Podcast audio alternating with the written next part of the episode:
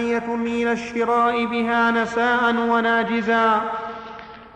والصواب ما دل عليه حديث عبد الله بن عمرو الأول وهو جواز النساء والتفاضل لأنها ليست من الأموال الربوية. والحاجة داعية إلى أن يأخذ الواحد باثنين. وأما الرواية الثانية فهذا إن صح الحديث. لأنه من رواية الحسن وقد قيل إنه لم يسمع منه إلا حديث العقيقة. لكن إن صح فالمراد إذا كان المقصود اللحم. إذا كان المقصود اللحم صار كأنه بيع لحم بلحم. ولا يجوز النسيئة والثالث يحرم النساء في الجنس الواحد لهذا الخبر ويباح بالجنسين أيضا هذا يؤيد هذا الحمل أنه إذا كان المراد بذلك اللحم. اللحم. الرابع أن يباح مع التساوي مع التفاضل. والحديث يظهر عليها أثر الضعف. لأن مثل هذا هذا الأسلوب بعيد من أسلوب النبي صلى الله عليه وسلم. صيغة الحديث تدل على أنه موقوف والله أعلم. من في معلق على هذا؟ ما عندي شيء. المخرج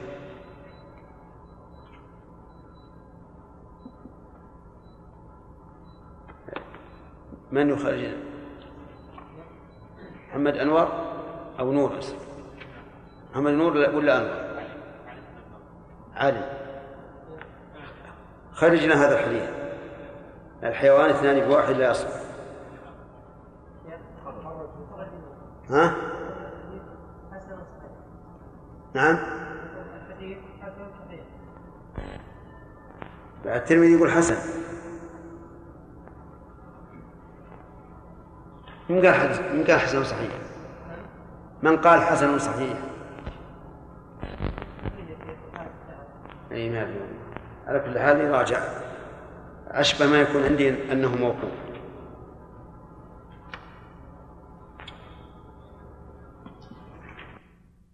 كثير؟ ثلاثة أربعة خمسة ستة ست لكنها كجناح الجرادة الصغير بعد وش الخلاصة؟ إيه؟ نعم نعم نعم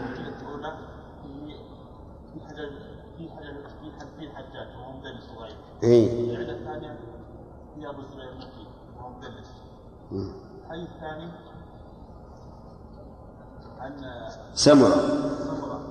وهذا جار القاتل إلا ان إلا ان إلا أن في الحسن البصري. وقد انانا وفي خلاف في سماع الحسن من غير عن سمرة. نعم. العقيقة. العقيقة. والحديث الثالث جانب عباس. نعم.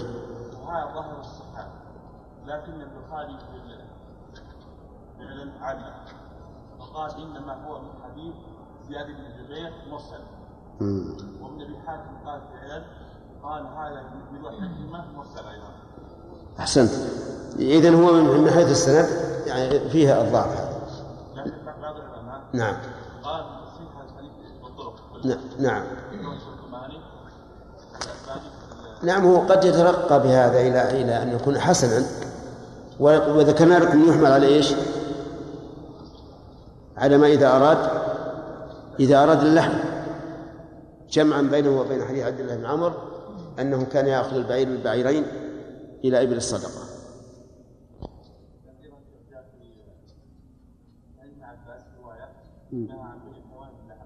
إيش؟ نهى عن بيع الحيوان؟ وهذه إيه؟ ولكن ذكر مالك الموقع عن الزهري عن قال في الحيوان ولكن الحيوان عن عن بيع وعن بيع وعن بيع هذه ثم عن مالك وقال وذلك اذا باعها كان دون يعلم يعني معروفة الثلاثة. الجهل. لا الظاهر لي أنا أن الحمل إذا كان هو الأصح. حتى إذا كان إذا كان حيوان بلحم فالغالب أنه أراد اللحم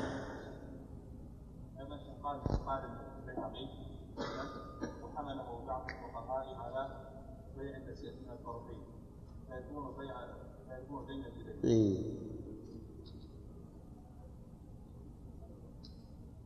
هذا أيضا محمل صحيح. لأنه لابد من حلول أحد الثمنين. حتى في الثياب وغيرها. وهذا محمل جيد.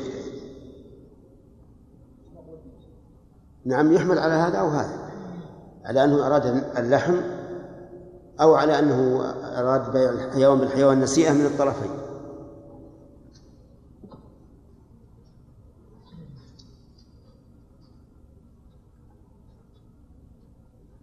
بسم الله.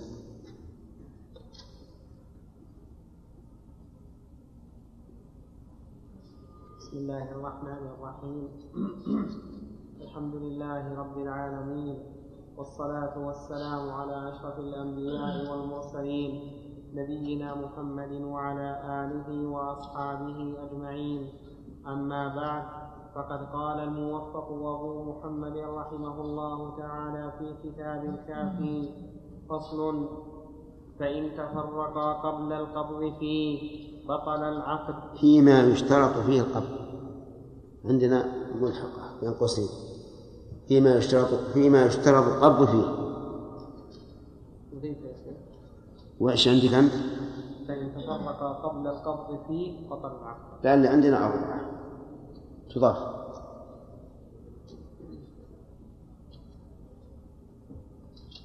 الجملة يا نعم.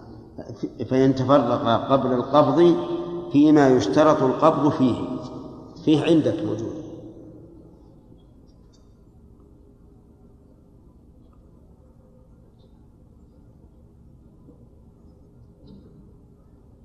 فإن تفرقا قبل القبض فيما يشترط القبض فيه بطل العقد وإن تفرقا قبل قبض بعضه بطل في غير المقبوض. وفي المقبوض وجهان بناء على تفريق الصفقة وما وجب التماثل فيه إذا بيع عينا بعين فوجد في أحدهما عيبا من غير جنسه بناء على تفريق الصفقة وسبق أن القول الراجح تفريقه فإذا باع عبدا وحرا بمئة صح في العبد ولم يصح في الحر. نعم. وما وجب التماثل فيه إذا بيع عينا بعين فوجد في أحدهما عيبا من غير جنسه بطل المبيع. البيع. بطل البيع. إي نعم.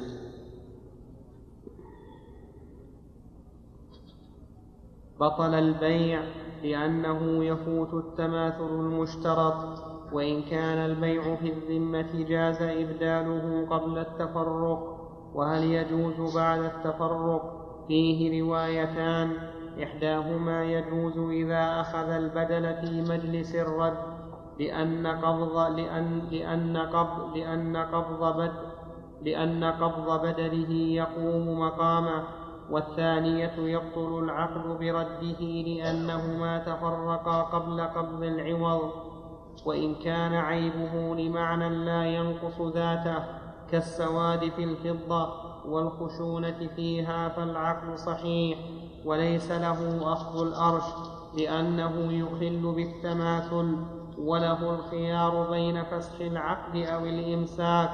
وليس له البدل إن كان البيع عينا بعين وإن كان البيع في الذمة فحكمه حكم القسم حكم القسم وإن كان البيع في الذمة فحكمه حكم القسم الذي قبله. فأما ما لا يجب التماثل فيه فله أخذ أرشه لأن التفاضل فيه جائز. يعني و... كذهب في فضة هذا يشترط فيه القبض والتماثل غير شرط. فإذا باع ذهبا بفضة ووجد في أحدهما عيبا قلنا آه، الآن لك أن تأخذ عرش العين لكن لا تتفرق إلا بعد أخذه. نعم. لأن التفاضل فيه جائز وحكمه فيما سوى ذلك حكم ما قبله.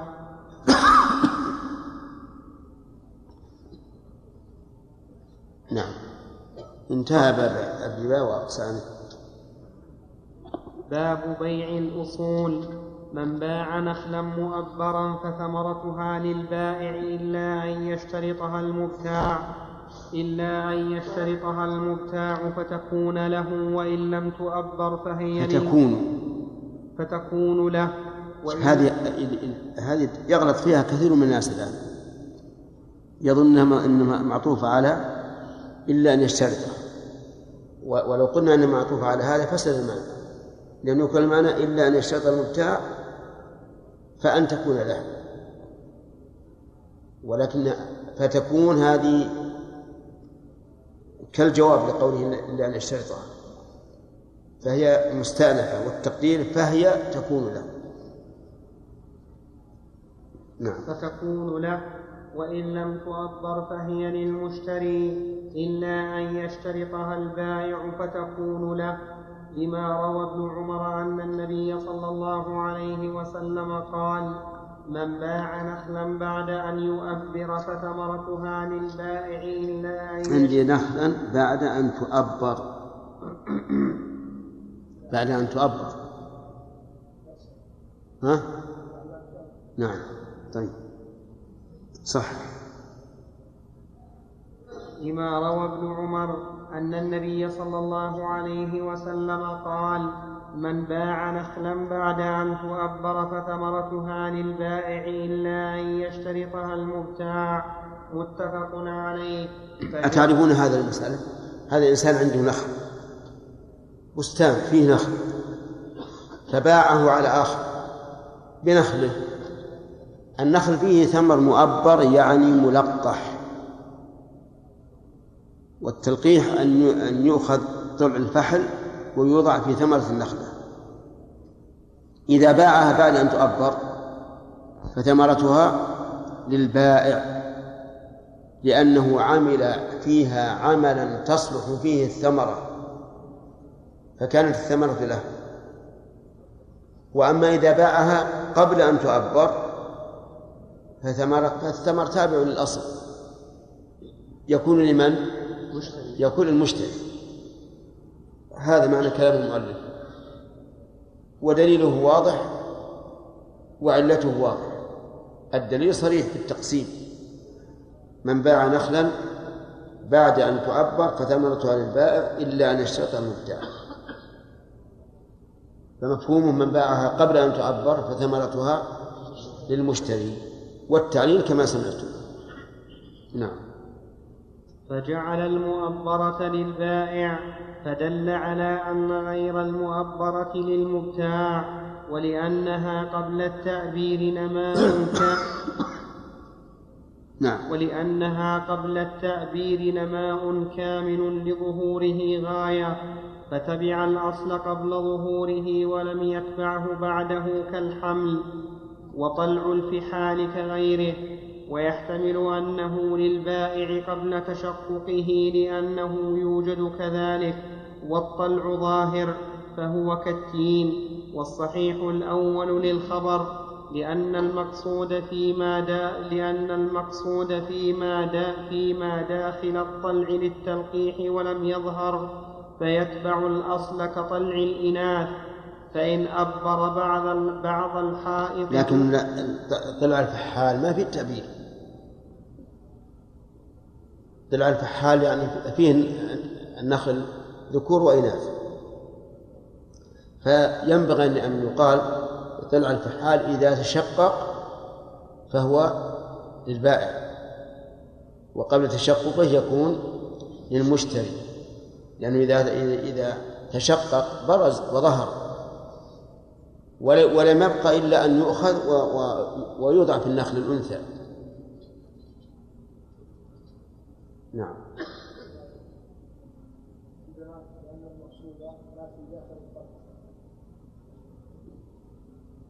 لأن المقصود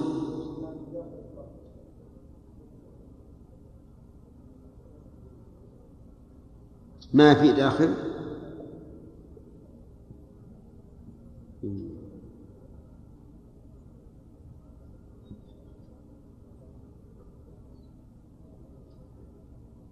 والله اللي عندك أحسن. اللي عندنا ركيف. لأن المقصود فيما داخل الطلع للتلقيح.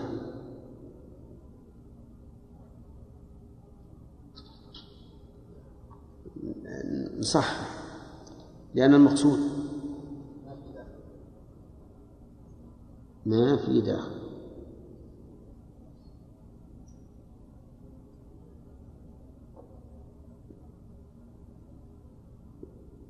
وش بعده؟ طيب. ولم يظهر. ولم يظهر؟ طيب.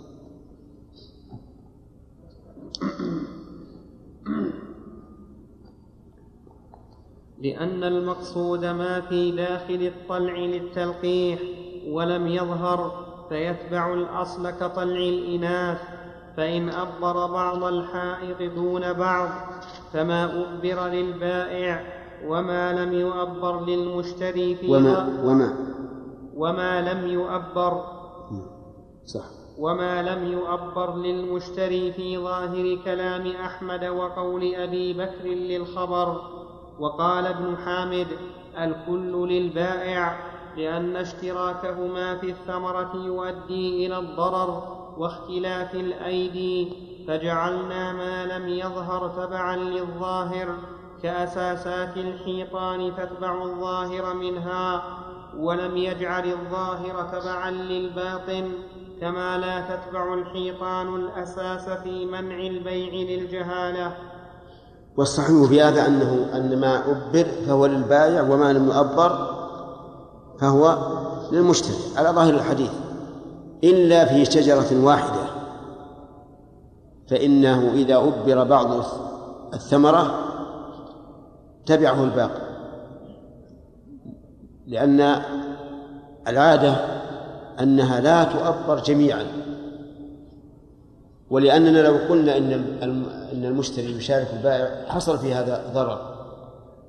فنقول ما لم يؤبر فهو للمشتري وما أبر فهو للبائع إلا في شجرة واحدة فإذا أبر بعضها فهي كلها للبائع نعم وإن كان المبيع وإن كان المبيع حائطين لم يتبع أحدهما صاحبه لأنه يفضي إلى سوء المشاركة من ها؟ لأنه لا يفضي نعم. لا يفضي نعم. وهي عندنا مثبتة. لأنه لا يفضي إلى سوء المشاركة لانفراد أحدهما عن الآخر وإن أبر نوعا وإن, وإن أبر نوع من الحائط لم يتبع النوع الآخر في قول القاضي. بأن النوعين يختلفان في التأبير وقال أبو الخطاب يتبعه لئلا يفضي إلى سوء المشاركة في الجنس الواحد. وإن أبر بعض ما في الحائط فأفرد بالبيع ما لم يؤبر. وإن أبر بعض ما في الحائط فأفرد بالبيع ما لم يؤبر فهو للمشتري لأنه لم يؤبر منه شيء. وإن أبر بعض الحائط فباعه ثم أطلع الباقي في يد المشتري فالطلع له لأنه حادث في ملكه فكان له كما لو لم كما لو لم يؤبر منه شيء.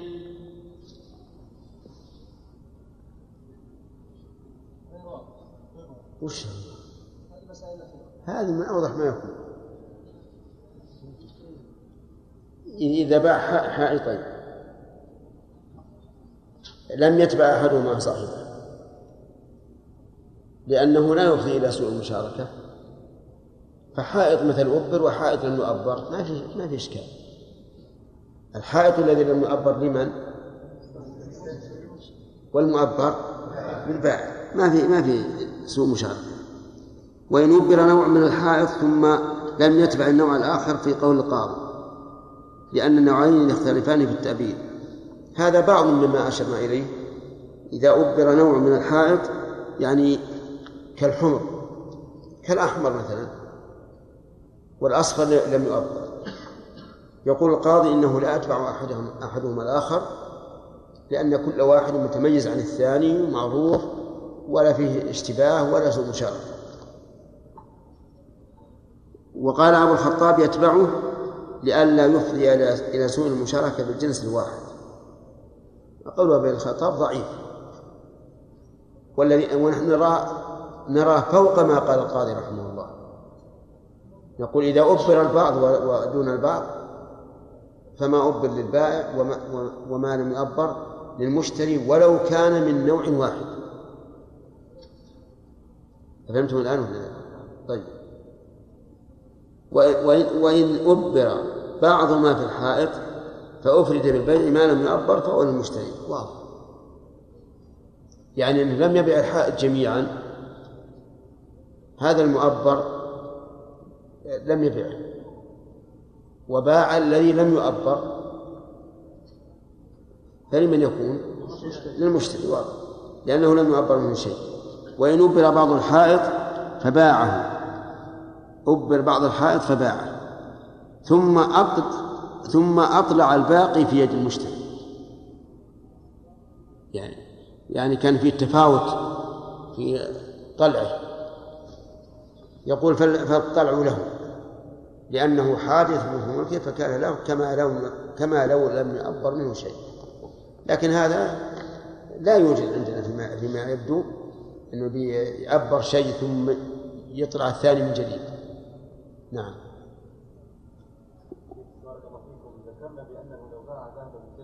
نعم. خرج احدهما مبيعا معيبا فإن له اخذ الارش نعم. نعم. فصاحب الفضة هل يأخذ فضة؟ أو يجوز له اخذ الذهب أيضا؟ الارش لا يأخذ فضة. يأخذ فضة لا يكون من باب مد عجوة ودرهم نعم. أغلب الناس اليوم لا يعرفون ويجهلون من احكام البيوع نعم.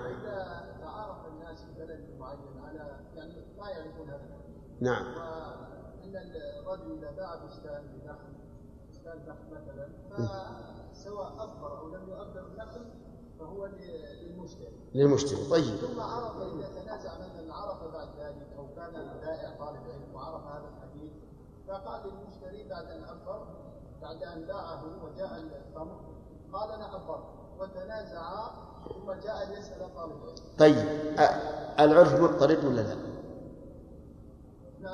أن المؤبر يتبع الأصل. مضطرد طيب إذا كان مضطردا فالشرط العرفي كالشرط اللفظي والرسول عليه الصلاة والسلام قال إلا أن يشترط المبتاع. فإذا كان الرسول يقول إلا يشترط المبتاع معناه إذا شرطه فهو له. إذا شرطه له فهو له. لكن عاد يبقى عندنا إشكال. إذا كان إذا شرطه فهو له. فقد باع ثمرة قبل بدو صلاحها فماذا نقول؟ نقول هذا ثبت تبعا. ثبت تبعا ويثبت تبعا ما لا يثبت استقلالا ولهذا قال الفقهاء في بيع الثمرة قبل بدو صلاحها إذا باعها على صاحب الأصل فلا بأس. وإن كان قولهم هذا ضعيفا لن نقول صار الثمر تبعا. لكن قولهم هذا ضعيف وسيأتي إن شاء الله. فهمنا الآن؟ صار طالب العلم الذي درس في السعودية ما يمكن يتحيل على الذي باع في الجزائر. أليس كذلك؟ إيه. انتهى انتهى. أما بعد. قال الموفق أبو محمد رحمه الله تعالى في كتاب الكافي فصل وسائر الشجر على ستة أضرب. أحدها أحدها فصل وكل عقد ناقل للأصل كجعله صداقا وعوض خلع أو أجرة أو هبة كالبيع فيما ذكرنا. لأنه عقد يزيل الملك عن الأصل فأزاله عن الثمرة قبل ظهور البيع قبل الظهور كالبيع. الرهن.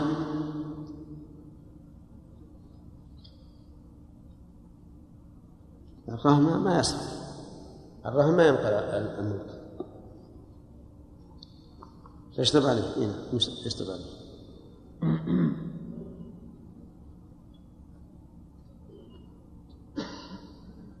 اسم. فصل. وسائر الشجر على ستة أضرب أحدها ما يقصد زهره كالورد. والقطن الذي يبقى أعمى والقطن الذي يبقى أعمى أعواما فهو كالنخل. إن تفتحت أكمامه وتشقق جوزه فهو للبائع وإلا فهو للمشتري كالطلع سواء.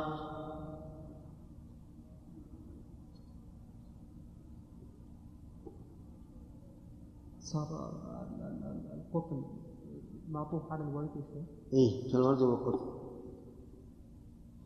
الضرب الثاني ما له ثمرة بارزة كالعنب والتين فما كان منه ظاهرا فهو للبائع لأنها ثمرة ظاهرة فهي كالطلع المؤبر وما ظهر بعد العقد فهو للمشتري لأنه حدث في ملكه الثالث ما له قشر لا يزال إلا الثالث ما له قشر لا يزال إلا عند الأكل كالرمان والموز فهو للبائع إن كان ظهر لأن قشره من مصلحته فهو كأجزاء الثمرة. الرابع ما له قشران كالجوز واللوز فهو للبائع بنفس الظهور. لأن قشره لا يزايله في الغالب إلا بعد الجبال. فهو كالرمان. وقال بعض أصحابنا إن تشقق قشره الأعلى فهو للبائع وإلا فهو للمشتري لأنه لا يدخر في قشره الأعلى بخلاف الرمان. الخامس ما يظهر ثمره في نوره. ثم يتناثر نوره فيظهر كالتفاح والمشمش. ثم يتناثر نوره فيظهر كالتفاح والمشمش. فما تناثر نوره فهو للبائع وما لم يتناثر فهو للمشتري لأنه لا يظهر إلا بعد تناثر نوره فكان كتأبير النخل. ويحتمل أنه للبائع بظهور نوره لأن استتار الثمرة بالنور كاستتار ثمرة لأن استتار الثمرة بالنور كاستتار ثمرة النخل بعد التأبير بالقشر الأبيض. السادس ما يقصد ورقه كالتوت فيحتمل أنه للمشتري بكل حال قياسا على سائر الورق ويحتمل أنه إن تفتح فهو للبائع وإلا فهو للمشتري لأنه ها هنا كالثمر.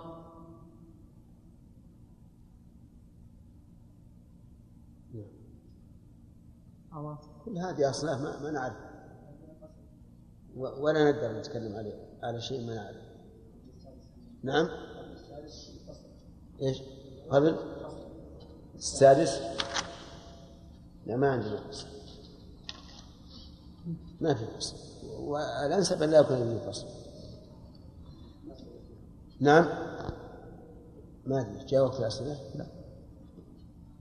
فصل.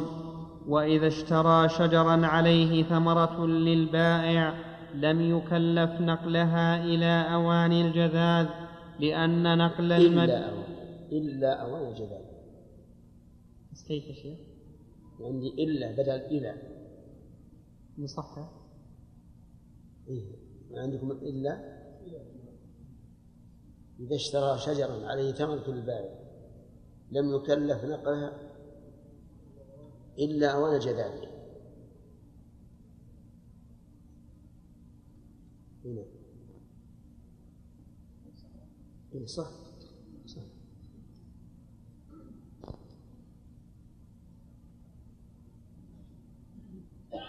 ولا جعله نسخة لأن إلى يصلح. لم يكلف نقلها إلى أوان جداله وإذا اشترى شجرا عليه ثمرة للبائع لم يكلف نقلها إلا أوان الجذاذ لأن نقل المبيع على حسب العادة. ولهذا لو اشترى متاعا ليلا لم يكلف نقله حتى يصبح. ولو لم يكلف ولم يكلف نقله حتى يكلف. لم يكلف لم يكلف نقله حتى يصبح. ولو باع متاعا كثيرا في دار لم يكلف تفريغها إلا على العادة ولم يلزمه جمع دواب البلد لنقله دفعة واحدة. فإذا بلغ الجذاذ كلف كلف كلف نقله. وإن كان. وإن كان بقاء كلف نقله وإن كان بقاء وإن كان بقاؤه أنفع له لأنه أمكن نقله عادة.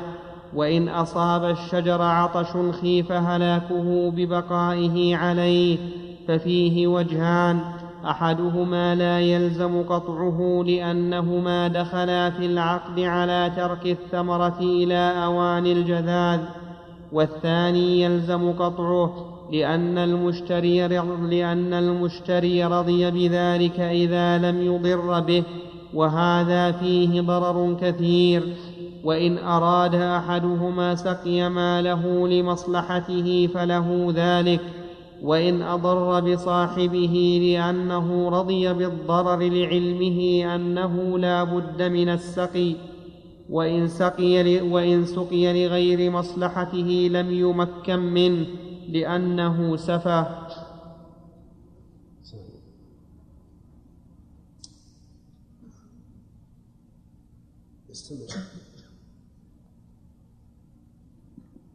فصل وإن باع أرضا بحقوق. ترى فيه ناس يسألون كيف يجاوب في السؤال. جاي جاي؟ نعم. إيش؟ ما ضابط إيش؟ تفرق. في إيش؟ التفرق. ما عندنا تفرق. في بيع وشراء الربويات. كمثل ما يحصل مثلا في محلات الذهب. أراد الإنسان أن يبيع ذهبا ويشتري ذهبا في نفس الآن. فهل يجوز له هذا مو هذا سؤال خارج عن الدرس. خارج عن الدرس جزاك الله خير بعد الصلاة إن شاء الله نسأل إذا باع أرضا وفيها شجر أو نعم نعم. آه، فهل يفرق ولا ما نصب لأن أصل بل تصلي بعد هذا. موجود. نعم. ما ضابط مال البائع والمشتري في هذا؟ كيف؟ ما ما ضابط مال البائع والمشتري في من الثمرة؟ من الثمرة؟ هو ك... وش خلينا نقرا من البائع؟ يختلف يا شيخ طيب اللي يختلف كل شيء له حكم النخل بينه الرسول عليه الصلاة والسلام والشجرة لا غير النخل ذكر المؤلف من ستة أنواع نعم فصل وإن باع أرضا بحقوقها دخل ما فيها من غراس وبناء في البيع وإن لم يقل بحقوقها ففيه وجهان أحدهما يدخل أيضا لأنه متصل بها للبقاء فهو كأجزائها والثاني لا يدخل لأن الأرض, لأن الأرض اسم للعرصة دون ما فيها وإن قال بعتك هذا البستان دخل الجميع في البيع لأن البستان اسم للأرض ذات الشجر وإن باع الأرض وفيها زرع لا ي... القطعة هذه واضحة. إذا باع أرضا وفيها غراس أو فيها بناء دخل في البيع. سواء لأن هذا الغراس والبناء فرع والأرض أصل والفرع يتبع أصله. وسواء قال بحقوقها أم لم يقل. لكن الأولى لمن يكتب بين البائع والمشتري أن يقول بحقوقها لئلا يرد علينا لئلا يرد علينا القول الثاني أنه إذا قال إذا لم يقل بحقوقها, بحقوقها لم يدخل الغراس ولا البناء. ولهذا نقرأ في كثير من الوثائق وثائق البيع بيع الأراضي يقول باعه بحقوقها وحدودها أيضا. فينبغي أن يتنبه لهذا. المهم أن القول الراجح ما, ما, ما قدمه. أنه إذا باعها وإن لم يقل بحقوقها فهي فالغراس والبناء يتبع. نعم. وإن باع الأرض وفيها زرع لا يحصد إلا مرة كالحنطة والشعير والجزر والفجل لم يدخل في البيع لأنه مودع في الأرض فلم يدخل في بيعها كالركاز. ويكون الزرع مبقا إلى حين الحصاد. كما كيف؟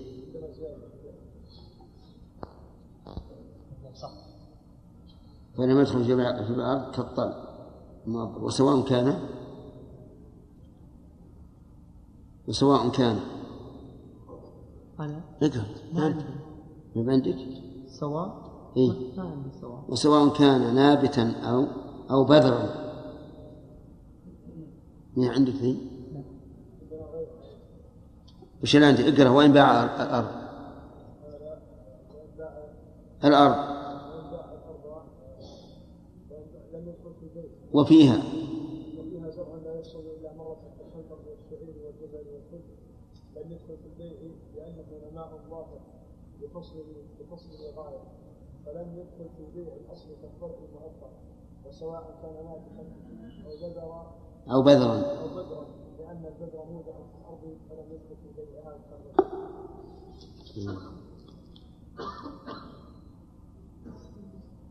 نعم. سطر الظاهر أنا عندي لأنه عندكم أنتم لأنه مودع في الأرض. وعندنا لأنه نماء ظاهر لفصله غاية فلم يدخل في في بيع الأرض كالطل كالطل المؤبر.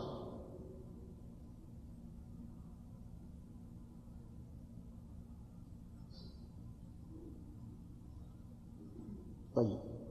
وعلى كل حال ال- التعليل يحصل بكلمة أنه مودع في الأرض لكن إن رأيتم تزيدونها لأنه أوضح. هذا طيب. أملها عليكم لأنه بعد في البيع بعد في البيع عندكم لأنه موجود. لأنه نماء ظاهر.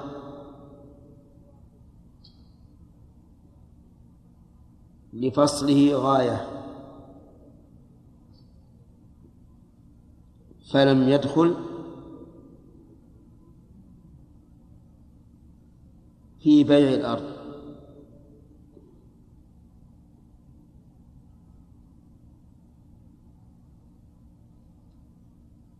كالطلع المؤبر. كالطلع المؤبر. وسواء كان نابتا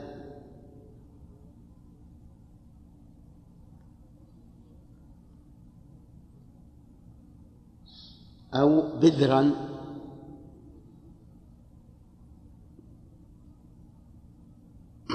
أو بذرا لأن البذر عندكم هذا الباب. لأن البذر مودع في الأرض. نعم.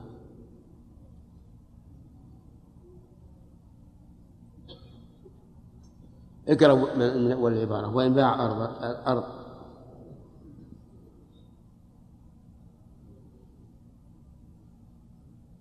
وإن باع الأرض وفيها زرع لا يحصد إلا مرة كالحنطة والشعير والجزر والفجل لم يدخل في البيع لأنه نماء ظاهر لفصله غاية فلم يدخل في بيع الأرض كالطلع المؤبر وسواء كان نابتا أو بذرا لأن البذر مودع في الأرض فلم يدخل في بيعها كالركاز ويكون الزرع مبقا إلى حين الحصاد كما أن الثمرة تبقى إلى حين الجذاذ فإن أراد البائع قطعه قبل وقته لينتفع بالأرض لم يكن له ذلك لأن منفعة الأرض إنما حصلت مستثناة عن مقتضى العقد عن مقتضى العقد ضرورة إبقاء الزرع فتقدرت ببقائه. كما لو باع دارا فيها متاع لا ينقل في العادة إلا في شهر فيكلف نقله في يوم لينتفع بها في بقيته والحصاد على البائع وعليه إزالة ما يبقى من عروقه المضرة بالأرض وتسوية حفره وتسوية حفره لأنه حصل بفعله لاستصلاح نفسه فأش سم استصلاح ملكه صحيح صحيح صحيح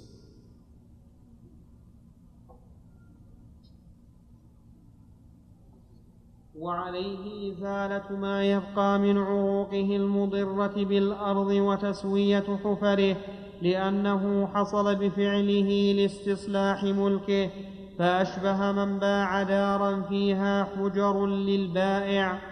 فقلعه فتحفرت الأرض. في فأشبه من باع دارا فيها حجر للبائع فقلعه فتحفرت الأرض. وإن اشترطها المشتري في البيع كانت له كالثمرة المؤبرة. ولا تضر جهالته لأنه دخل في البيع تبعا للأرض فأشبه الثمرة بعد تأبيرها وإن لم يعلم المشتري بالبذر فله الخيار لأنه عيب في حقه لما يفوت عليه من نفع الأرض. فإن قال البائع أنا أحوله على وجه لا يضر وفعل سقط الخيار لزوال العيب.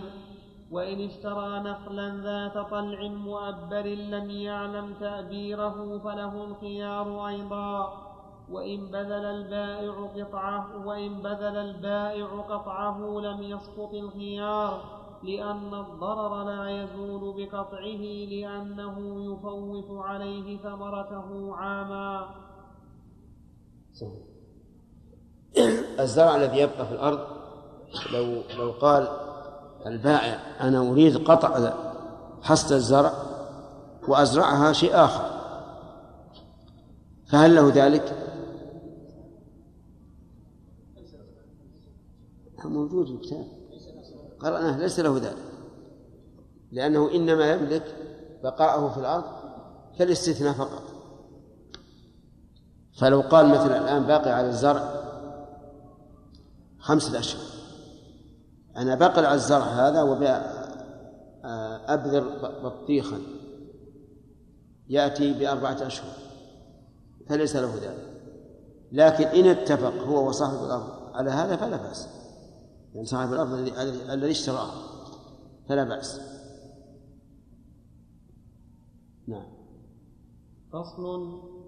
وإن كان في الأرض وإن كان في الأرض ما له أصل يجز. وإن كان في الأرض ما له أصل يجز مرة بعد أخرى فالجزة الظاهرة عند البيع للبائع والأصول للمشتري. سواء كان مما يبقى عاما كالهندبا أو أكثر كالرطبة لأن أصوله تركت للبقاء فهي كالشجرة وما ظهر منه وجرت العادة بأخذه فهو كالثمرة المؤبرة وعلى البائع قطعه في الحال لأنه لا حد له ينتهي إليه ولأنه يطول والزيادة للمشتري وما تتكرر ثمرته مع بقاء أصله كالقثاء والباذنجان والبطيخ أو يقصد زهره كالب كالب كالب كالبنفسج كالبنفسج ونحوه فكذلك فكذلك الأصول للمشتري وثمرته الظاهرة وزهره للبائع. لأنه تؤخذ ثمرته مع بقاء أصله فهو كالب فهو كالب فهو كالب فهو كالبقول. نعم نعم مرارا يقولون انه لا يجوز بيعه الا بشرط كيف؟ هذا بيع الزرع فقط. هذا مبيع مع الأرض مع الأرض. يعني باع أرضا وفيها زرع جزه مرارا. فالجزة الموجودة تكون للبائع. وما وما وما وعليه أن يقطعها في الحال لأنها ينتفع بها. إيش؟ نعم. لا فرق يتبع. مثل أمه هنا نعم. الصحيح أنه لا يبطل الصحيح أنه لا يبطل المذهب يبطل. والصحيح أنه لا يبطل. لأن ما لأن ماءه يسير وقد جرت به العادة. ها؟ الظاهر. مثلا اللقطة الظاهرة والجزة الموجودة الآن. يعني من الزت. الآن صالح للجزء نقول هذا صالح الجزء يكون للبائع أما بعد فقد قال الموفق أبو محمد رحمه الله تعالى في كتاب الكافي فصل وإن كان في الأرض حجارة مدفونة أو ركاز لم يدخل في البيع لأنه ليس من أجزائها إنما هو مودع فيها للنقل عنها فهو كالقماش. فإن كانت الأحجار من نفس الأرض أو أساسات الحيطان أو كان فيها معدن باطن كمعدن الذهب والفضة دخل في البيع لأنه من أجزائها أو أو متروك فيها للبقاء أو متروك للبقاء فيها فهو كالبناء.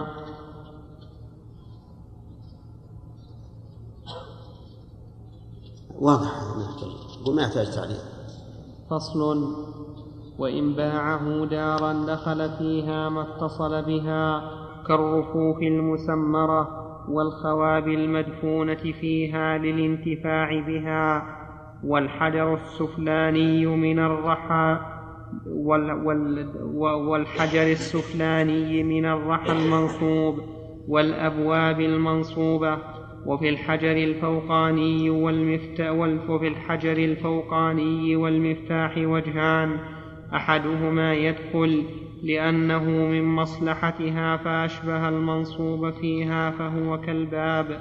عندي لأنه من مصلحة ما هو داخل في البيت. نعم ها؟ وين الثاني؟ ها؟ مثل عندي؟ الآن إذا باع الدار غير إذا باع الأرض. هذا رجل بسم الله الرحمن الرحيم. باع دارا فيدخل فيها ما اتصل بها. كالرفوف المسمرة. وأما الرفوف التي لم تسمر فلا تدخل لأنها منفصلة. كما لو جعل الإنسان رفوفا أسندها إلى الجدار ووضع فيها الكتب. فهذه لا تدخل لأنها غير مسمرة. الخواب المدفونة للانتفاع بها تدخل الخوابي هي عبارة عن أواني كبيرة من الخزف يدخل فيها التمر والسمن وما أشبه ذلك. إذا كان مدفونة فيها الانتفاع دخل. الحجر السفلاني من الرحى المنصوب. الرحى المنصوب لأن الرحى غير المنصوب إيش؟ يدخل ولا ما يدخل؟ أتعرفون الرحى؟ حجران يطحن فيهما إذا كانت منصوبة دخل الحجر الأسفل دون الأعلى فإذا باعها وسكت ثم جاء بأخذ الأعلى هل يمنعه المشتري أو لا يمنعه؟ ما يمنعه لأنه ملك ما دخل في البيع لأنه منفصل لكن هذا القول ضعيف ولذلك فيه وجه آخر أنه يدخل لأن هل يمكن أن تقوم الرحى بدون الجزء الأعلى؟ لا يمكن. فهو داخل. كما أنه لا يمكن أن يلبس أن يلبس الإنسان خفا واحدا. فهذا داخل. الوجه الثاني أنه يدخل والصواب الأبواب المنصوبة تدخل. والأبواب المسندة ليه؟ لأنها منفصلة فلا تدخل. المفتاح لا يدخل. المذهب لا يدخل. وفيه وجه آخر أنه يدخل. فعلى هذا إذا باع عليه كله وفيها خمس خمسون باب. وباب السوق واحد وخمسون. يأخذ المفاتيح كل ما لماذا؟ لأنها ما تدخل منفصلة. لكن هذا ضعيف هذا القول لا شك. لأن الكيلون في الباب. والباب مسمى متصل. فهو من جنس الحجر. الفوقاني بالنسبة للرحم والصواب بلا شك أن المفتاح يدخل ولهذا إذا إذا باع يقول سلموا المفتاح من أول ما يبيع يقول سلموا المفتاح نعم.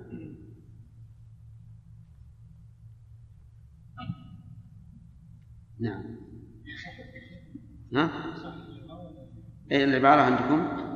لأنه من مصلحة ما هو داخل في البيت. واللي عندكم؟ خالد؟ لأنه من مصلحتها فأشبه المنصوب فيها. لا. اللي عندنا لأنه أحسن الله.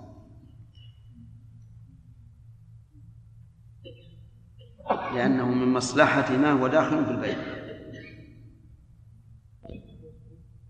ها؟ لا فهو الكلب فهو فهو كالباب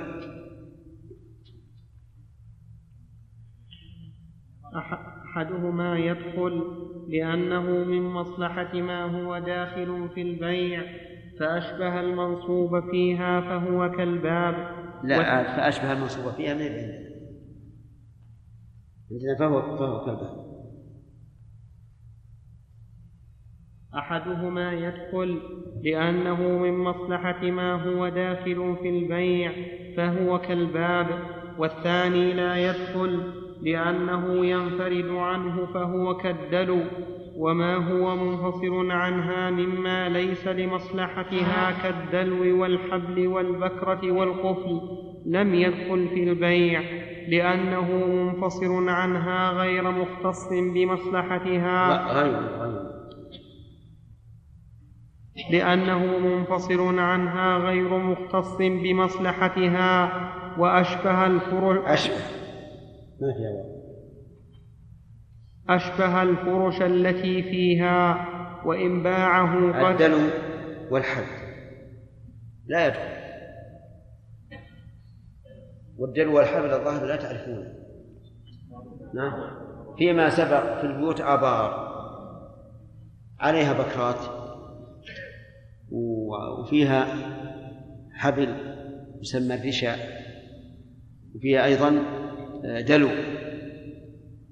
المؤلف رحمه الله يقول الدلو والحبل لا يدخل. وهذا حق لأن الدلو والحبل منفصل. البكرة يقول لا تدخل. ما هي البكرة؟ آه، التي ينزل ينزل بها الحبل. تسمى عندنا المحالة. تدور. لكن ينبغي أن يقال البكرة إن كانت مسمرة دخلت في البيت وإن كانت موضوعة وضعا على الخشبتين لم تدخل لأن هذا مقتضى القاعدة. لكن كل ما لا يدخل إذا شرطه المشتري دخل. إيش؟ دخل بالشرط. لقول النبي صلى الله عليه وسلم من باع نخلا بعد أن تؤبر فثمرتها للبائع إلا أن يشترطها المبتاع. نعم. وإن باعه قرية لم تدخل مزارعها في البيع إلا بذكرها لأن القرية اسم للأبنية دون المزارع. هل يمكن يبيع قرية؟ السلطان. ممكن. كيف يبيع قرية؟ من يشتري قرية؟ موجود عندكم هذا يباع؟ تباع قرية؟ نعم إيه؟ يعني فيها مثلا 20 بيت 30 بيت ولا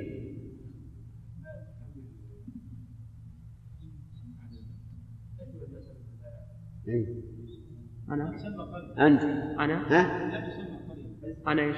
أنت يا خالد إيه في أحيانا تباع مدن لكن الذي يتولى هذا السلطان إيه؟ بمعنى أن دولتين متجاورتين يعرض يعرض تعرض إحدى الدولتين شراء الولاية المجاورة لها فتشتريها وهذا حصل.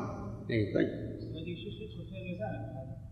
أي على كلام الأخ على كل حال إذا باع هل تدخل مزارعها؟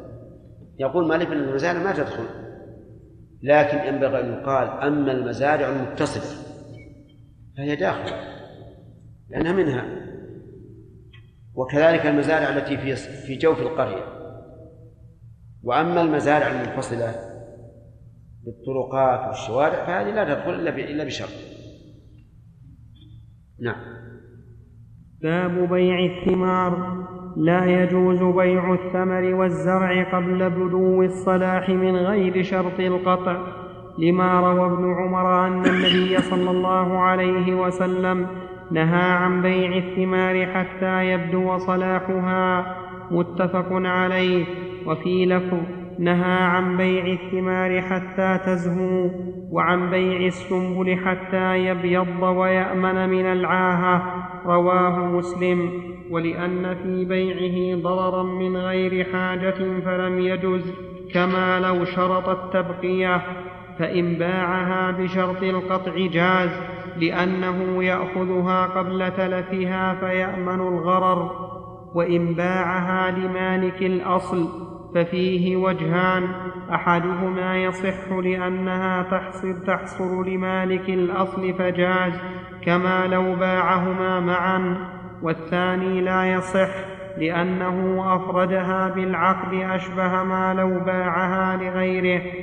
وإنما يصح إذا باعهما لأنها تدخل تبعا كالحمل مع, كالحمل مع أمه.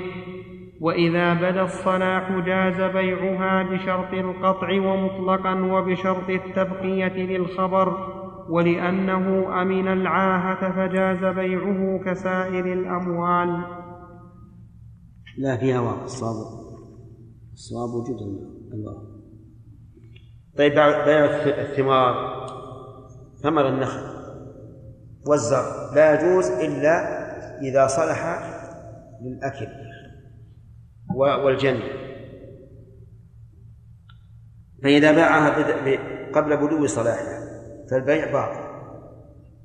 إلا إذا شرط القطع. لأنه إذا شرط القطع انتفع بها في الحال وأمن من العاهة ولكن يشترط مع ذلك إذا شرط قطعها في الحال أن تكون نعم أن ينتفع بها بعد القطع. فإن كانت ثمرة إن كانت ثمرة لو قطعت قبل بدو صلاحها لم تصلح لا لأكل البهائم ولا لأكل الأوادم فإنه لا يجوز بيعها ولو بشرط القطع. لأن بيعها حينئذ يكون إضاعة للمال. فقوله آه، بغير شرط قطع يجب أن يضاف إليه شرط آخر. إن كان ينتفع بها إيش؟ بعد القطع. مثال ذلك الآن النخل عندنا لم يبدو صلاحه في هذا الوقت. أليس كذلك؟ طيب. لو باعت ثمرها الآن؟ لا يجوز. إلا إذا شرط القطع. قال تقطع الآن. فإذا شرط القطع فلا بأس لكن ننظر هل إذا شرط إذا قطعها هل ينتفع بها؟ إن قيل نعم ينتفع بها تأكلها البهائم؟ صح.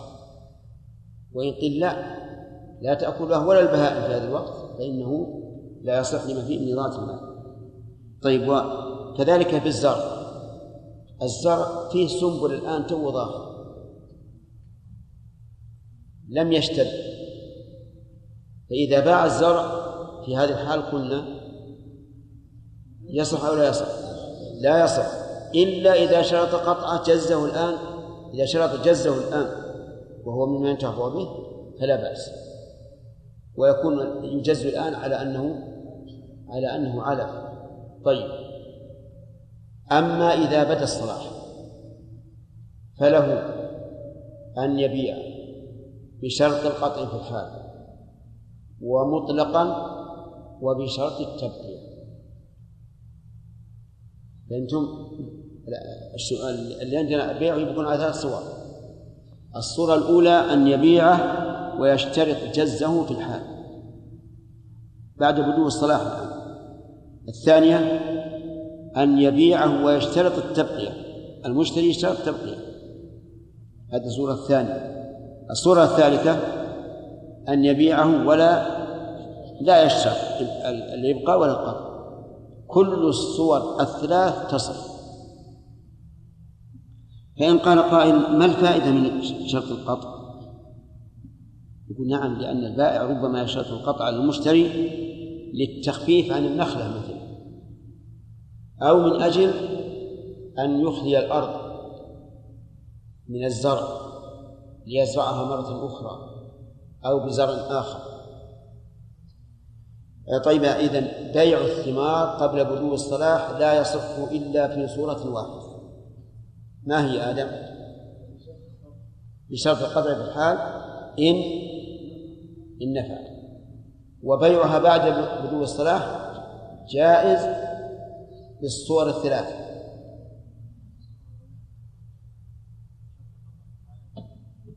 أن يشترط القطع في الحال. والثانية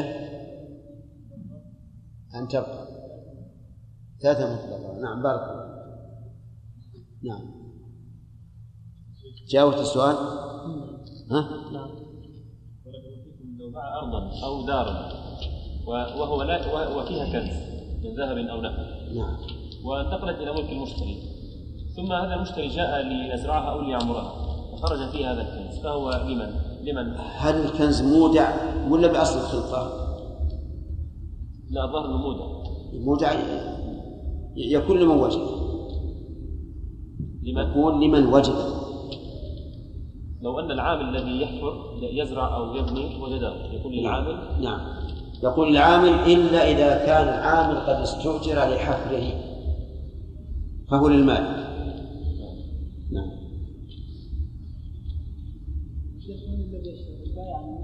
إيش؟ إيش؟ من الذي يشتري البائع المشتري؟ اللي اللي يرى المصلحة في الشرع قد يشترط البائع وقد يشترط المشتري. نعم. ها؟ لا مكيفات منفصلة إلا إذا كان مسمى. ما هو هي تسمى. لازم. ها؟ الجهاز يعني غير إيه لكن الظاهر إن الجهاز من جنس الطبقة الأعلى في الراحه هذا هو المقصود. ولهذا ينبغي عند البيع إذا كان البائع لا يريد لا يريد أن تدخل هذه في البيع أن يشترطها يقول أستثني هذه نعم. ثلاثة. فصل. وبدو, وبدو الصلاح في ثمرة النخل أن يحمر أو يصفر وفي العنب أن يسود أو يتموى وفي الحب أن يشتد أو يبيض وفي سائر الثمار أن يبدو فيه النضج أو يطيب أكله لما روي عن النبي صلى الله عليه وسلم أنه نهى عن بيع الثمرة حتى تطيب متفق عليه ونهى عن بيع الثمرة حتى تزهو. قيل وما تزهو؟ قال تحمار أو تصفار ونهى عن بيع الحب حتى يشتد وعن بيع العنب حتى يسود رواه الترمذي. هذا بدو الصلاح. في ثمر النخل أن يحمر أو يصفر. لأن نخل ثمر النخل إما أن يكون أحمر وإما أن يكون أصفر. يوجد نخل يبقى أخضر. لكنه يتبين صلاحه بكونه يحلولي ويكون أهش من قبل. فهذا علامة صلاحه وهذا. العنب أن يسود. وهل كل عنب يسود؟ لا. ولهذا قال أو يتموه يعني يلين حتى يكثر فيه الماء. وبعضهم عبر بقوله حتى يطيب أكله. وهذا أحسن. وأبين فالعنب لا يباع إلا إذا طاب أكله. على أي لون كان وعلى أي قساوة كان. طيب. الدليل ذكره المؤلف رحمه الله. وفي الحديث قيل وما تزهو والاستفهام عن الفعل لا لا يرد. ولهذا لا بد أن يقدر وما معنى تزهو وما معنى تزهو لأن نفس الفعل الصيغة ما ما يستفهم عنه وإنما يستفهم عن المعنى. وعليه فنقول ما اسم ما اسم الاستفهام مبتدأ والخبر محذوف. التقدير وما معنى تزهو. قال تحمار أو تصفار. طيب تحمار أو تصفار هل المعنى تميل إلى الحمرة أو الصفرة؟ أو يكمل فيها الحمرة والصفرة الثاني أولى. الثاني أولى. لقوله في الحديث الثاني أن يحمر أو يصفر. أي أي إذا إذا تبين أنها حمراء أو صفراء. نعم. وإذا, بد وإذا بدا الصلاح في نوع جاز بيع ما في البستان وعنه لا ما في البستان منه. الحق. ها؟ موجود عندكم؟ جاز بيع ما في البستان منه وعنه لا يباع إلا ما بدا صلاحه للخبر والأول أظهر لأن ذلك يؤدي إلى الضرر والمشقة وسوء المشاركة. وفي سائر رحمه الله هذا غريب. كيف نعلل الخبر ثم نقول الأول أظهر ثم نعلل بعلة غير صالحة الصواب أنه إذا بدأ الصلاح في نوم وأنتم تعرفون أنواع النخيل الآن من يعرف؟ إيش؟ سكري وبرحي أم الحمام أم خشب طيب وقفل الصواب أنه إذا باع النوع جميعا كفى بدو الصلاح في واحدة منه في واحدة منه وإذا وإذا أراد أن يبيعه على انفراد فلا بد أن يكون الصلاح في كل واحدة. لأن كل صفقة منفردة عن الأخرى. إذا باعه جميعا قلنا إنه إذا بدا الصلاح في واحدة من هذا النوع جاز بيع الجميع. جاز بيع جميع النوع إذا باعه جميعا مثل أن يبيع السكري جميعا. السكري خمسين نخل. ما فيه إلا واحدة فقط مصفرة. يجوز بيعها أو لا؟ يجوز. يجوز لأنها صفقة واحدة في نوع واحد. طيب إذا أراد أن يبيع جميع ثمر البستان ولم يوجد شيء بدأ فيه الصلاح إلا السكري. بقية الأنواع الأربعة التي ذكرناها قبل. على كلام المؤلف يقول إنه يجوز. الذي ذكر ذكر إنه أظهر. يقول إنه يجوز. والصواب إنه لا يجوز. لأن هذا مختلف. هذا نوع مستقل وهذا نوع مستقل. ولذلك يقول رحمه الله وعنه لا يباع إلا ما بدا صلاحه للخبر.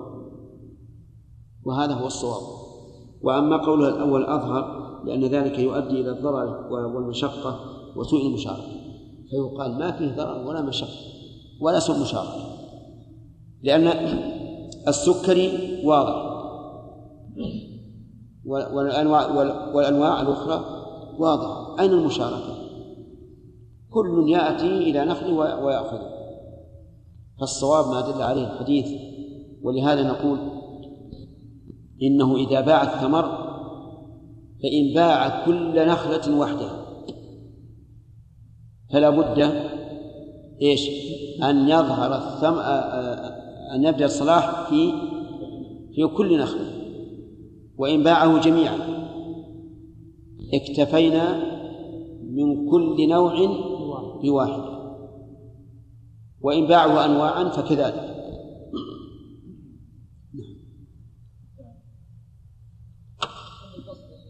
إن شاء الله الدرس القادم. أما بعد فقد قال الموفق أبو محمد رحمه الله تعالى في كتاب الكافي في في باب بيع الثمار فصل وبدو الصلاح في ثمرة النخل أن يحمر أو يصفر. ما يخالف ما وفي العنب وفي العنب أن يسود أو يتموى. وفي الحب أن يشتد أو يبيض وفي سائر الثمار أن يبدو فيه النضج أو يطيب أكله لما روي عن النبي صلى الله عليه وسلم أنه نهى عن بيع الثمرة حتى تطيب. متفق عليه. ونهى عن بسم الله الرحمن سبق لنا أن مثل هذا التعبير لا ينبغي في الأحاديث الصحيحة. روي مع المتفق عليه. الذي ينبغي أن يجعل بدلها وثبت عن النبي صلى الله عليه وسلم. لكن هذا من باب التساهل ولعل العذر للمؤلف ومن سلك مسلكه أنه ذكر أنه متفق عليه. فيزول آه، توهم الضعف. نعم. ونهى عن بيع الثمرة حتى تزهو. قيل وما تزهو؟ قال تحمار أو تصفار. ونهى عن بيع الحب حتى يشتد وعن بيع العنب حتى يسود رواه الترمذي. وإذا بدا الصلاح في نوع جاز بيع ما في البستان منه وعنه لا يباع إلا ما بدا صلاحه للخبر والأول أظهر. لأن ذلك يؤدي إلى الضرر والمشقة وسوء المشاركة. وفي ساء سبحان الله. كيف يقال؟ للخبر ثم يقال الأول أظهر. يعني معناه أن مخالفة الخبر هي الأظهر. وهذا للتعبير به نظر. والصواب ما دل عليه الخبر. هذا إذا باعها أفرادا إذا باع الثمر أفرادا بأن باع كل شجرة وحدها. فلا بد أن يبدو الصلاح في كل شجرة. مثلا إنسان عنده عشرون نخلة عشرة منها قد بدا صلاحها وعشرة لم يبدأ. نقول إذا إذا باع كل واحدة وحدها صار كل بيعة صفقة مستقلة. فلا بد أن يكون في كل نخلة باعها هدوء الصلاة. أفهمتم الآن؟ ولا يمكن أن يخالف الخبر وهو صحيح في هذه المسألة. وقول المؤلف أن هذا يعني لو أننا قلنا لا بد من بدو الصلاة في الجميع إن هذا يؤدي إلى الضرر والمشقة وسوء المشاركة. نقول الحمد لله. من قال لا بد من المشاركة؟ يقال الذي لم يبدو صلاحه لا لا لا يباع. ويكون لصاحب لصاحب الأصل حتى يبدو صلاحه. نعم. وفي سائر الجنس وجهان توجيههما في التأبير ولا يختلف المذهب أن بدو الصلاح في بعض الشجرة في بعض الشجرة صلاح لجميعها. وهذا لا شك فيه.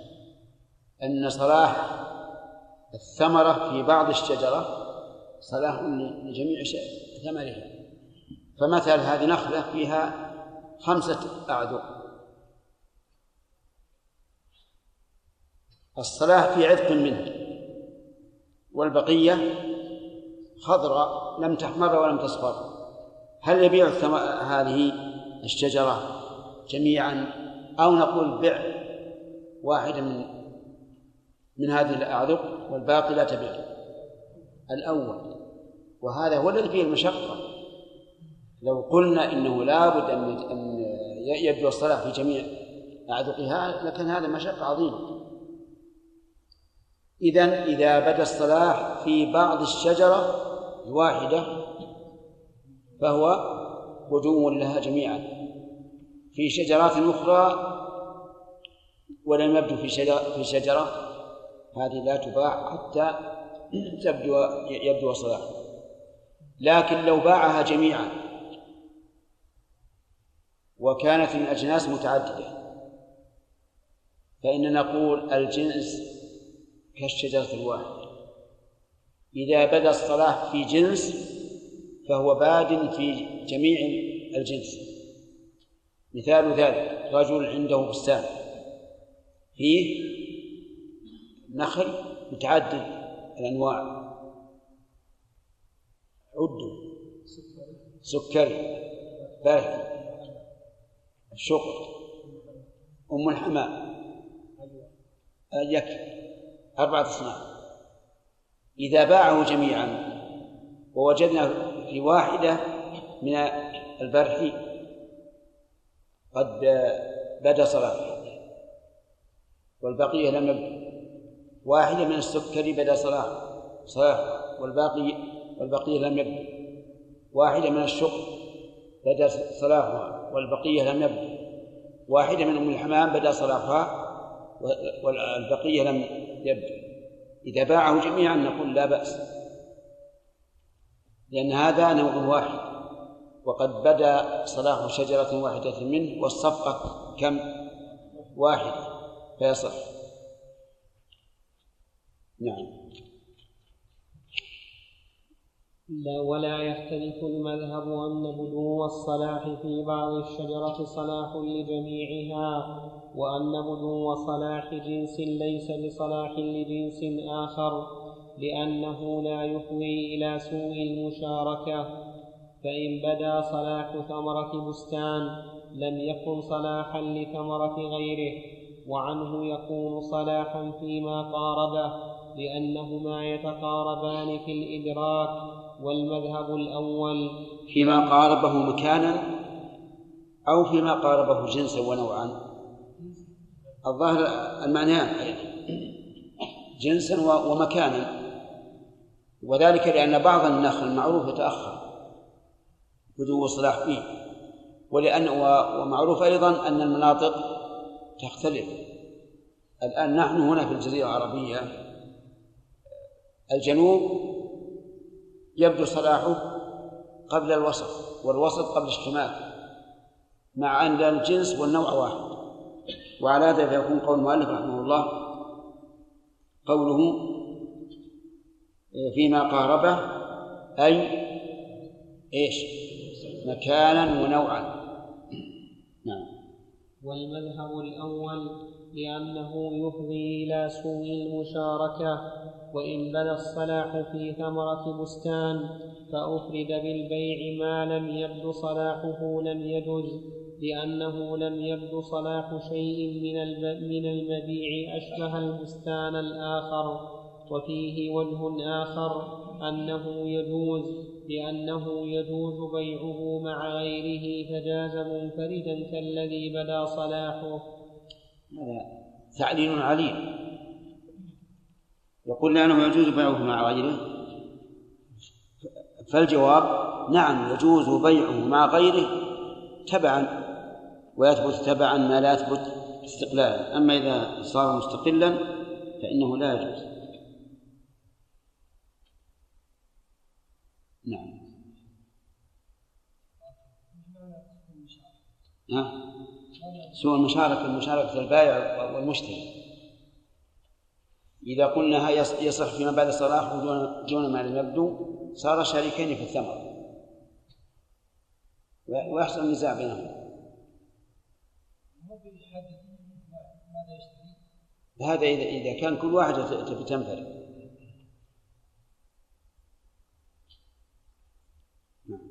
فصل.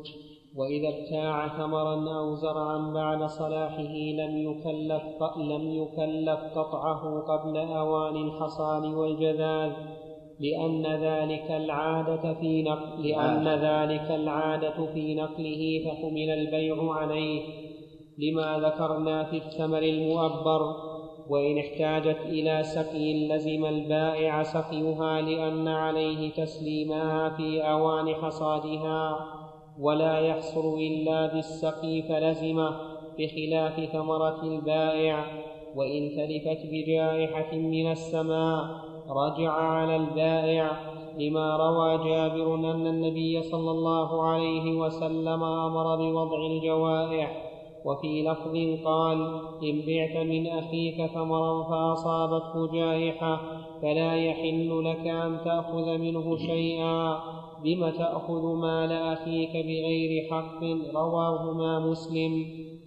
ولأنها تؤخذ حالا فحالا فكانت من ضمان البائع كالمنافع في الإجارة والجائحة ما لا صن الآن فهمنا إذا باع إذا اشترى ثمر أو زرعا بعد صلاة. فإنه لا يلزم بقطعه قبل أوان الحصاد والجذاب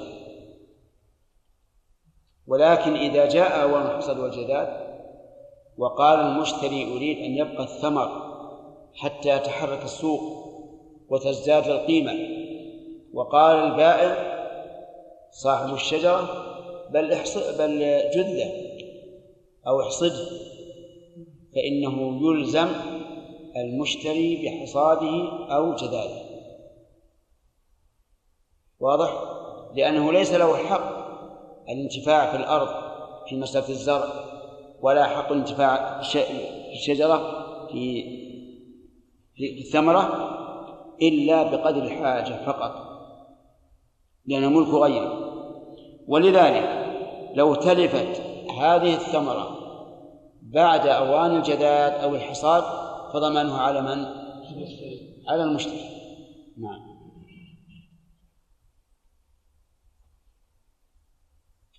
نعم وين فيه؟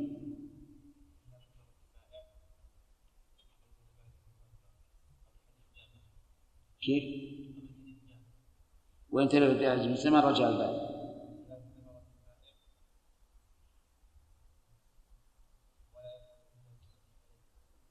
نعم ولا يحصل بالسقف فلزمه بخلاف ثمرة البائع.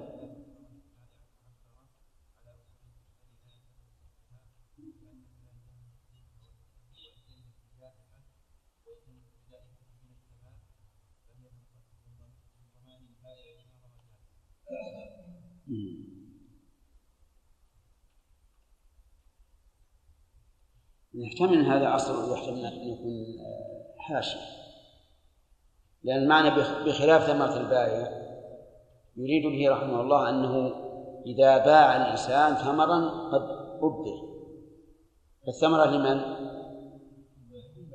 للبائع هل يلزم المشتري أن يسقيها؟ لا. وذلك لأن البائع لم يملكها من قبله بل ملكها لأنه أبرها. فليس ملكا جديدا بل هو مستمر. واضح؟ ولو تلفت هذه الثمرة فهل يضمنه المشتري؟ لا يضمن هنا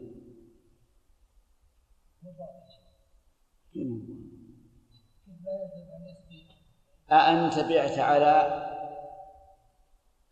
عبد الله. بعت عليه ثمرا مؤبر نخلا مؤبر نخلا مؤبر. الثمرة لمن؟ طيب. هذه الثمرة هل يلزم عبد الله أن يسقيها؟ لا لا ما يلزم إيه؟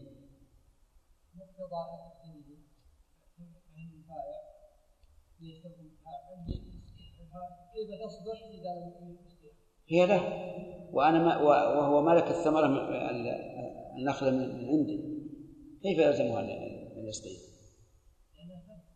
لا ما هي ما ملكها من قبله هو يقول أنت هذه ثمرتك إن شئت أن تبقيها أسقي وإلا فلا. أنا ما لا أريد أن أسقي النخل. النخل يصبر ولا يحتاج إلى سقي فسقيها عليه. خليه يموت. لأنه ملكه. هل أنت ملكته من قبل عبد الله؟ إذا ما يلزمه أن يستطيع ملكك أنت تستطيع أبدا. إن اشترط لا بأس. إن شرط البائع المشتري أن يسقيه فلا بأس على أن المسألة بعد فيها نظر. لأنه إذا اشترط عليه أن يسقيه فمعناه أنه جمع بين عقد بيع وإيجار. نعم.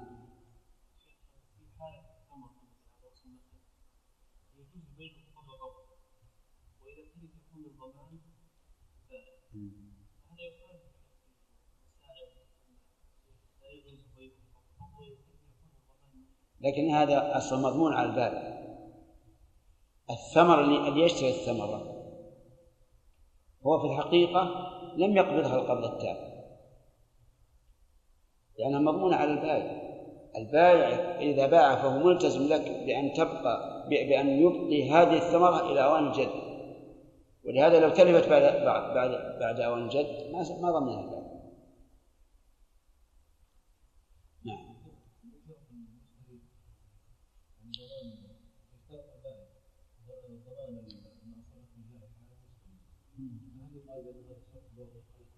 اي نعم.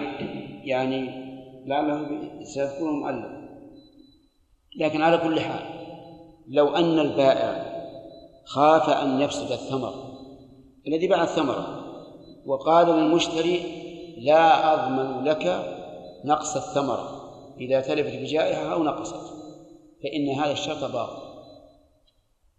كل شرط ليس في كتاب الله فهو باطل وإن شرط مئة مرة. نعم لو فرض إن فيها العيب الآن موجود. وقال البائع أشترط عليك أنك لا ترجع علي بهذا العيب.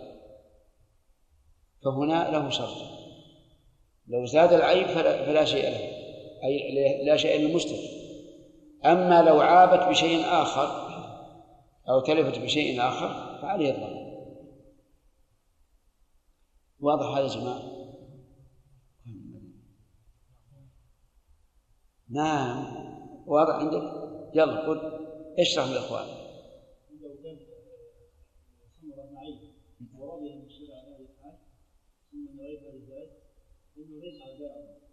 طيب. زين. صحيح. طيب لو شرط أن لا ضمان عليه وليس فيها عيب. الثمرة الآن ليس فيها عيب. قلنا هذا الشر لا يصح لأنه مخالف للحديث. ولأنه ميسر يعني إذا قيل إن أصابها شيء فلا ترجع فإن الثمن سوف ينقص. ثم إن لم يصبها شيء صار المشتري غانما وإن أصابها شيء صار بالعكس. هو ميسر نعم. والجائحة ما لا صنع لآدمي فيها. والجائحة. والجائحة ما لا صنع لآدمي فيها. فإن أتلفها آدمي. هذه الجائحة التعريف. ما لا صنع لآدمي فيها. مثل أن تتلف بشدة الحر. أو تتلف بالرياح. أو تتلف بأمطار. أو ببرد ينزل من السماء. ويلحق بها ما أتلفه اللصوص الذين لا يمكن تضمينه.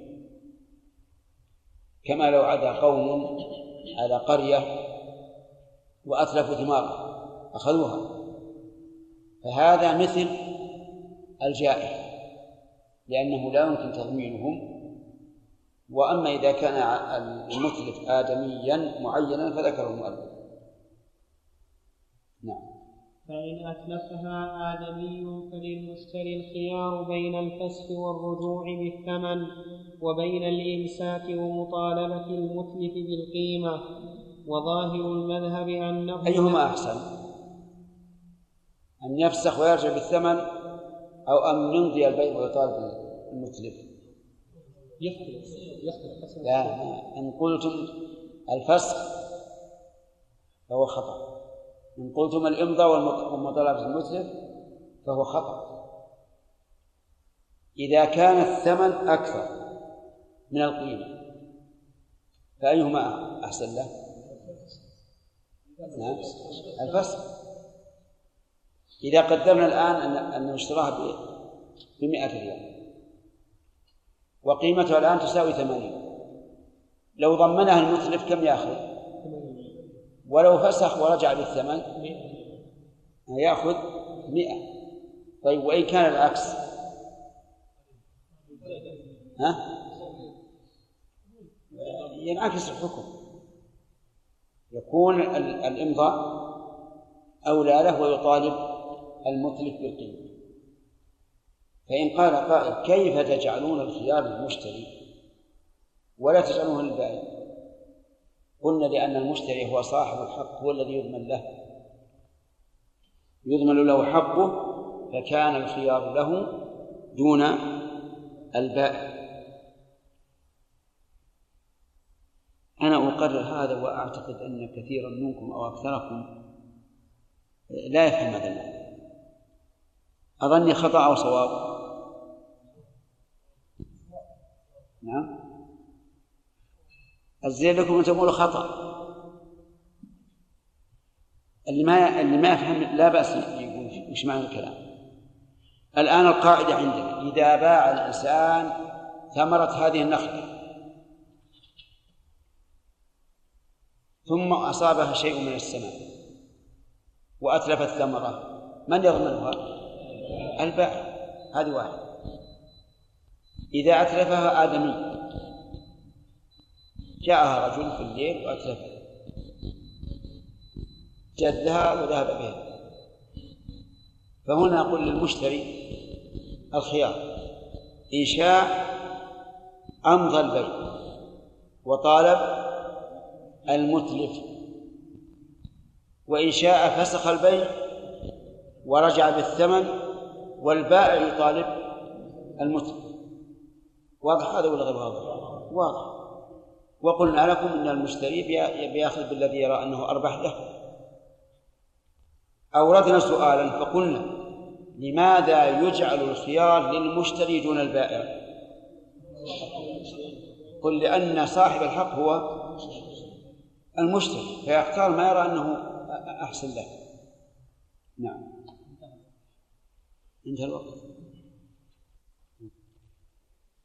فصل قال في أثناء الفصل والجائحة ما لا صنع لآدمي فيها فإن أتلفها آدمي فللمشتري الخيار بين الفسخ والرجوع بالثمن وبين الإمساك ومطالبة المتلف بالقيمة. وظاهر المذهب أنه لا فرق بين القليل والكثير إلا أن يكون التالف يسيرا جرت العادة بتلف مثله. قال أحمد لا أقول في عشر تمرات ولا عشرين تمرة ولا أدري ما الثلث وذلك لأن الشرع أمر بوضع الجوائح ولم يجعل حدا فوجب رده إلى ما يتعارفه الناس. وعنه أن ما دون الثلث من ضمان المشتري لأن الثمرة لا بد من تلف شيء منها فلا بد من حد فاصل والثلث يصلح ضابطا. لقول النبي صلى الله عليه وسلم والثلث كثير. والظاهر الأول أن ما جرت العادة بالتسامح فيه فلا ضمان فيه للبائع وأما ما لم تجر العادة بضمانه بالتسامح فيه فإنه من ضمان البائع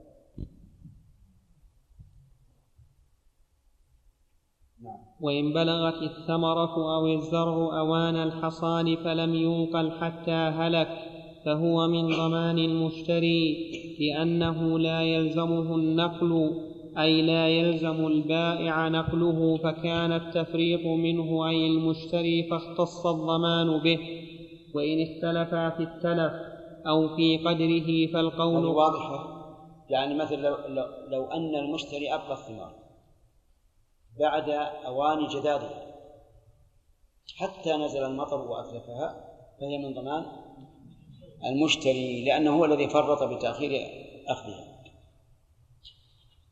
نعم. وإن اختلفا في التلف أو في قدره فالقول قول البائع لأنه غارم ولأن الأصل السلامة. هذه من الضوابط التي يذكرها الفقهاء رحمهم الله لأنه غارم